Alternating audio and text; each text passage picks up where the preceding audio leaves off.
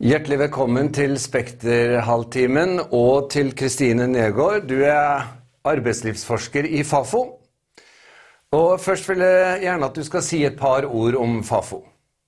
Ja, Fafo er et samfunnsvitenskapelig forskningsinstitutt. Vi ligger på Grønland i Oslo og jobber med ganske mange forskjellige ting. Bl.a. arbeidsliv og det som kalles det kollektive arbeidslivet. Mange ansatte? Ja, vi er vel kanskje, å si det, 60-70. Ja. Stort sett forskere? Ja.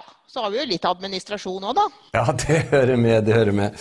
Koordinert og sentral, løn, sentralisert lønnsdannelse i det som vi kaller for vårens vakreste eh, eventyr, altså lønnsoppgjøret. Hva betyr det at vi har et koordinert og sentralisert lønnsdannelse? Det at vi har, har, en sentralisert lønnsdannelse, det betyr at eh, det er eh, fagforbund og arbeidsgiverorganisasjoner på nasjonalt nivå som forhandler, og som på en måte sitter og styrer dette her. Det kan være Fellesforbundet og Norsk Industri, eller det kan være Spekter og Norsk Sykepleierforbund. Og i år som det er et mellomoppgjør, så er det da LO og NHO som er de førende, de som starter lønnsoppgjøret. Mm. Og koordinert så tenker man at uh, uh, de ulike tariffområdene sånn at det henger sammen. Uh, det er, gjerne, det er, jo industrien som forhandler først, f.eks. For Fellesforbundet og Norsk Industri. Når de blir enige, så det, innebærer det at resultatet følges opp av de andre bransjene og de andre sektorene. Og da må man koordinere eller samordne forhandlingene. Man snakker sammen. Mm. Skal vi ta det med en gang, fordi at det du nå snakker om, er vel det vi kaller for eh, frontfag, eh, frontfagmodellen, hva? Ja, det er det. Det er konkurranseutsatt industri som forhandler først. Og det resultatet som fastsettes der, det burde gjøres gjeldende for andre bransjer og sektorer. Så blir man enige om 2,7% i industrien, så er det vanskelig å få så veldig mye mer i tjenesteytende sektor, i privat sektor eller i offentlig sektor. Mm. Er denne frontfagmodellen omstridt, vil du si, eller eh, er den allment godtatt? Tja, den er jo eh, allment godtatt. Eh, altså vi, vi, har jo hatt flere offentlige utredninger, altså de som kalles Holden-utredningene. Det har vært ja. Holden 1 og 2 og 3. Da har partene vært med på disse utredningene og undertegne at dette her er vi enige om er best for norsk økonomi. Og så er det jo av og til noen som eh, er misfornøyde. Altså I år så har det vært eh, innspill fra Sykepleierforbundet og Utdanningsforbundet om at denne modellen eh, kanskje trengs en revisjon. For de opplever at deres grupper ikke får den lønna de fortjener. Mm. Det blir for Altså at rammen er for eh, lav. Det er vanskelig å gjøre noe særlig endringer i eh, lønnsstrukturen. Mm. Hvor, hvor, viktig vil du si at frontfagmodellen er med hensyn til, eh, hvis jeg kan få bruke det uttrykket, disiplin? Den er jo veldig viktig. Og den er jo også viktig i betydningen at når man er enige om den ramma, så vil arbeidsgiverne i offentlig sektor, altså staten og KS først og fremst, føler seg forplikta. Spekter også, begynner på helseforetakene. Mm. Det være vanskelig å gi noe særlig mer enn uh, denne frontfagsramma. Uh, og også for arbeidstakersida så vil man nok oppleve en forpliktelse, ikke minst innen LO, som jo er kjent for å ha en viss sånn disiplin blant egne forbund. Så det at man setter seg ned med jevne mellomrom og vurderer er dette her fortsatt aktuelt, er det sånn vi skal ha lønnsdannelsen i Norge, så blir man enige. Det er viktig. Mm. Eh, kan jeg få spørre deg om er dette noe, noe særnorsk med frontfagmodellen, eller ser vi det også i andre land? Vi ser det også i andre land. Liksom bakgrunnen her, er, eller liksom rasjonalet her, er jo at konkurranseutsatt sektor skal sette lønnsnivået. Hvis lønnsveksten blir høyere enn det den sektoren kan bære, så forsvinner arbeidsplasser fra Norge til andre land. Dette her var, har på en måte vært eh, rasjonale i mange år. Altså, dette er en modell som har sitt, opp, sin, uh, sitt opphav på 1960-tallet. Da het det uh, Aukrust-modellen eller hovedkursteorien, hvis man var sosialøkonom. Ja. Uh, og den, Vi finner det i alle de nordiske landene. Danmark og Sverige har akkurat samme opplegg som Norge. I Sverige så kaller man det merke, ikke frontfagsmodellen. Mm -hmm. Og merke, det må alle følge. Nettopp. nettopp. Kan, er det riktig å si Kristine Nego, at, eh, at frontfagsmodellen da er et alternativ til mer markedsstyrt lønnsdannelse? Ja, Eh, absolutt. Eh, eh, det kan, det, det kan, man si altså Uten frontfagsmodellen så ville du i hvert fall i en del sektorer ha en mer markedsstyrt lønnsdannelse. Så i noen sektorer hvor du har sterke fagforbund og kanskje svakere arbeidsgivere, så ville du jo få en kan du si, høyere lønnsvekst. Da ville man liksom kunne streike seg til uh, veldig høy lønnsvekst. Typisk eksempel er jo Nordsjøen, altså hvor du har kan du si, veldig store kostnader ved en arbeidskonflikt, og du har veldig sterke fagforbund. Uten på en måte denne logikken så kunne det nok blitt ganske heftig lønnsvekst i enkelte oppgjør. Mm, nettopp. jeg vil gjerne gå tilbake til der vi begynte. og dette med koordinert og sentralisert lønnsdannelse. Men lokale oppgjør er vel også av stor betydning? Ja, absolutt. Og kan du si mesteparten eller altså, av lønnsdannelsen i privat sektor i industrien skjer jo lokalt. Funksjonærene har bare lokal lønnsdannelse. Og på arbeidersida da, så skjer, er det lokale forhandlinger i de fleste områdene. Og, og, de er veldig viktige på, også for uh, fagforbundene og for fagforeningene. Uh, men det skjer da under det som kalles fredsplikt. Uh, man forhandler lokalt etter at det sentrale lønnsoppgjøret er ferdig. Og da har man ikke lov til å gå til streik. Da må man bli enig på bedriften. Da skal man følge det som kalles de fire kriteriene. At Lønns, eh, lokale lønnsforhandlinger skal være basert på bedriftens økonomi, resultater, framtidsutsikter osv. Og Det som er litt overraskende, er jo at man stort sett blir enige, selv om man da ikke har dette streikevåpenet som man har i sentrale forhandlinger. Mm. De, de, fleste vil jeg vel si hyller trepartssamarbeidet i Norge. Hvor vesentlig vil du si at innholdet i dette samarbeidet er?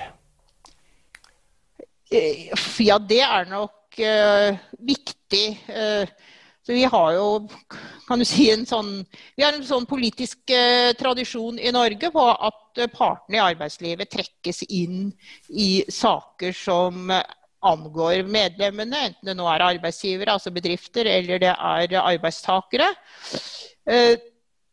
Det er også en lang tradisjon. altså Man har drevet med dette her i hvert fall fra 50-tallet. Eh, og det gjør at man får, eh, kan du si, man får løsninger som alle parter kan leve med. Eh, F.eks. pensjonsreformen. Vi har jo hatt en stor pensjonsreform i Norge over de siste ja, 10-15 åra i hvert fall. Kanskje lengre før man, man begynte tidlig på 2000-tallet. Der har jo partene vært inne på ulike måter. Det gjør at du får en løsning som kanskje ikke er eh, optimal for noen av partene, men den eh, alle kan leve med en. Og når man har kommet fram til en løsning, så blir den akseptert. Det er kanskje det viktigste, at man, eh, man får løsninger som aksepteres på begge sider av bordet. Mm. Kanskje si det på den måten også at eh, hvis et resultat er bra, så skal alle tre parter være litt misfornøyd? Ja, og så er det jo litt sånn forskjell eh, hvordan man opplever dette her. Altså, er nok sånn at hvis du har en Arbeiderpartiregjering, så er eh, ofte arbeidsgiversida litt mer misfornøyd. Og hvis du har en høyreregjering, så klager man på Youngstorget over at man ikke blir tilstrekkelig hørt. Men eh, denne modellen har, kan du si, den finner vi uavhengig av om det er eh, en Arbeiderparti- eller en Høyre-statsminister som sitter ved roret. Så den på en måte har eh, overlevd ulike politiske styrer. Hvor, hvor, viktig er, eh, når du nevner statsministeren, hvor viktig er statens rolle i trepartssamarbeidet? Eh, det er jo viktig. altså kan du si Statens rolle er nok kanskje mindre i lønnsdannelsen enn den var i gamle dager, når vi hadde kleppepakker osv hadde kan du si, en sånn eh, ganske omfattende inntektspolitikk. Men vi ser at eh, det er mange arenaer og møteplasser i dag. Eh, man samarbeider om et inkluderende arbeidsliv, man samarbeider om et seriøst arbeidsliv. Man har i det senere fått opp, trappa opp samarbeidet om kvalifikasjoner og kompetanse og utdanning. Og det er klart her er staten viktig, fordi dette her dreier seg jo ofte om politiske vedtak. Så man kan si at uh, Politikerne har jo gitt fra seg litt av makta si for å oppnå resultater som alle kan leve med. Så tenker man jo at uh, partene kommer jo inn i dette samarbeidet ikke bare med makt og innflytelse, men de kommer jo også med kompetanse og synspunkter. Vi ser jo, vil jeg påstå, Kristine Nergård, at det er et godt forhold mellom arbeidsgivere og arbeidstakerne i Norge, altså da på organisasjonsnivået. Er det noe særnorsk, noe særnordisk? Ja. Eh, så er jo det basert på at kan du si eh, Det er jo en eh, underliggende motsetning her. Jeg eh, hadde en gang en kollega som sa at lønnsoppgjørene er det eneste stedet hvor partene har, med, med, med, loven i hånd kan slåss for å skade hverandre. Altså Man kan få en streik, man kan få en lockout.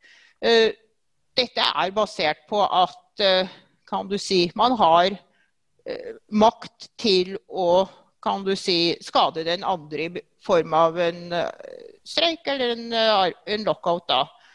Men det som man gjerne sier, er jo at vi krangler én måned, det er når vi forhandler lønn, og så samarbeider vi de andre elleve månedene. Mm. Men man skal ikke glemme at her er det på en måte en underliggende motsetning. Men samtidig så er det nok det som fremheves av partene i Norge og i Norden, det er at man har liksom en grunnleggende tillit til hverandre. Mm. Så det er en form for maktbalanse, men også uh, over mange år en tillit til at liksom, man blir behandla sånn rimelig greit. Jeg vet ikke hvor mye du har rukket å forske på det foreløpig, men hvis du ser på partene i arbeidslivets rolle under pandemien, som vi nå snart har levd under i ett og et halvt år, vil, vil du si at partene i arbeidslivet her har spilt en sentral rolle for at vi ja, er kommet da foreløpig stående gjennom denne pandemien? Ja. Øh, og det, det, man ser, er jo at når man står i en sånn krise som dette her, så bruker man jo de eh, på en måte arenaene som man har. Uh, man har uh, nok kommet fram til løsninger som kanskje er litt annerledes enn det regjeringen hadde ønska. Partene har jo f.eks møtt opp sammen og krevd endringer i permitteringsreglene.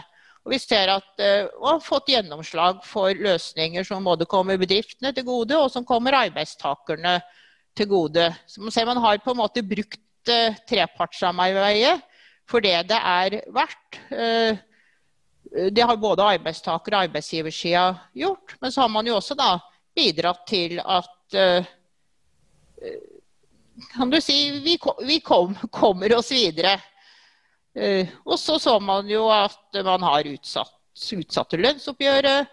Og når man var usikker på liksom, hvordan går dette her, uh, høsten 2020, så fikk vi jo et et ganske moderat lønnsoppgjør. Det ble en liksom ramme på 1,7, og det er lenge siden det har vært så lav lønnsvekst. Mm. Da vi snakket sammen på forhånd, så var du veldig opptatt av eh, organisasjonsgraden på begge sider, både blant arbeidstakerne og arbeidsgiverne. Hvorfor? Altså man kan jo si at denne modellen, da, enten han kaller, altså både frontfagsmodellen, men også kan du si trepartssamarbeidet og øh, liksom, Den norske modellen for lønnsdannelse er jo basert på at det er sterke parter på begge sider. Og det betyr at man, de må ha medlemmer. De må være klare å rekruttere nye medlemmer uh, hele tida. Ha en høy organisasjonsgrad. Og i Norge så har vi nok, altså vi har en ganske høy organisasjonsgrad på begge sider. Men uh, på, det er man vel særlig bekymra for at uh, organisasjonsgraden på arbeidstakersida i privat sektor har vært på vei ned. Og blir det for få organiserte, så er jo heller ikke staten interessert i å invitere disse partene til bordet. Altså da har de jo ikke så veldig mye å levere i form av eh, kan du si, det å kreve og bidra til løsninger. Og det er jo også slik at får man for lav organisasjonsgrad, så påvirker det jo lønnsdannelsen. Da er det ikke sikkert at dette frontfaget klarer å legge føringer for resten av økonomien. Så her er det felles interesse på de to sidene å ha en høy organisasjonsgrad? Ja. Og det som er litt sånn eh, kanskje en særnorsk eh, ting, er jo at Eh, arbeidsgiverne faktisk eh, sier at ja, vi er bekymra for at fagbevegelsen ikke rekrutterer godt nok. Vi at man skulle vi, vi, ønsker en høyere organisasjonsgrad eh, blant arbeidstakerne. Så er det jo ikke sikkert at absolutt alle norske arbeidsgivere tenker det. Jeg tror nok at vi skal være realistiske nok til å tenke at det er en det er nok en del arbeidsgivere der ute som kanskje syns det er like greit å bestemme sjøl og ikke ha tariffavtale og tillitsvalgte. Men det er mange som mener at den, liksom den norske eh, modellen, det at man har både avtaler og tillitsvalgte, er en fordel for eh, ikke bare de ansatte, men også for bedriften. Ja, og det, det, det, viser vel all erfaring eh, nettopp at det er en fordel med høy organisasjonsgrad. Men kan du si, er det, er det enkelte sektorer som er mer utsatt enn andre når det gjelder det, frykten for lavere organisasjonsgrad, da, for å si det på den måten? Ja, Det er jo særlig tjenesteytende sektor i privat, altså privat sektor, altså sånn som varehandel, eh, uteliv, renholdsbransjen Eh, som har lav organisasjonsgrad på arbeidstakersida og også på arbeidsgiversida. Og så er det jo sånn at vi får jo nye bransjer og nye typer bedrifter. Og det er nok mer krevende å organisere der enn i si, tradisjonell industri. I de store industribedriftene, i offentlig sektor, eh, bransjer som på en måte har vært i Norge lenge, og på en måte der, der, det er ganske store bedrifter, der har vi høy organisasjonsgrad. Mm. Mens på små bedrifter, særlig i servicesektoren, der er organisasjonsgraden lav. Men så er det jo sånn at disse bransjene de nyter jo litt godt av denne sterke frontfagsmodellen. For får man et rimelig godt oppgjør i frontfaget, så får man stort sett eh, samme ramme også i varehandelen og i uh, hotell- og restaurantbransjen og i renholdsbransjen. Hva med ungdommen? Er ungdommen treg til å organisere seg? Ja, det varierer nok litt. Eh, er du ung og begynner i offentlig sektor, så organiserer du deg når du får en fast jobb. Det samme gjelder nok om du begynner på en stor industriarbeidsplass. Men i dag så er det jo mange unge som ja, jobber i servicesektoren, i hvert fall mens de studerer. De har kanskje ikke tenkt å være der uh, lenger enn eh, studiene varer. Og da er det vanskelig å organisere dem. Mm. Så det varierer. Det er avhengig av hvor de unge havner. Havner de på en arbeidsplass der det er vanlig å være organisert, så organiserer nok mange seg. Vi har jo sett på sånne spørreundersøkelser osv. Og, så videre, og det er, unge er eh, like Altså me, mener like ofte som eldre at det er viktig med sterke fagforeninger og uh, støtter opp om litt dette kollektive arbeidslivet. Mm. Men uh, de befinner seg jo ofte i andre deler av arbeidsmarkedet enn de av oss som er godt etablerte. Nettopp. Eh, avslutningsvis, Kristin Kristine eh, Gaard. Vi ser jo klart eh, Jeg skal ikke trekke deg inn i, i valgkampen, men Forskjells-Norge er jo definitivt et begrep vi nå hører om. Det vi nå har snakket om i løpet av denne Spekter-halvtimen, både når det gjelder frontfag, organisasjonsgrad og koordinert og sentralisert lønnsdannelse Hvis du ser det i det å bevare små forskjeller, hvor vesentlig er det vi har snakka om nå? Eh, det er nok sånn at eh, liksom de nordiske eh, arbeidslivsmodellene, og det er jo det du egentlig trakk frem nå, ikke sant? det er liksom en Brengmesen definisjon av det, har gitt lave, lavere forskjeller enn det vi finner i de fleste andre land.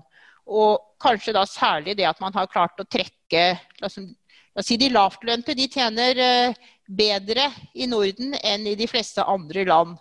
Og Det kan vi nok takke denne modellen for at eh, la oss si, inngangslønnene, lønnene i servicesektoren og også eh, den type bransjer ligger høyere enn det gjør i land med en mer markedsretta lønnsdannelse.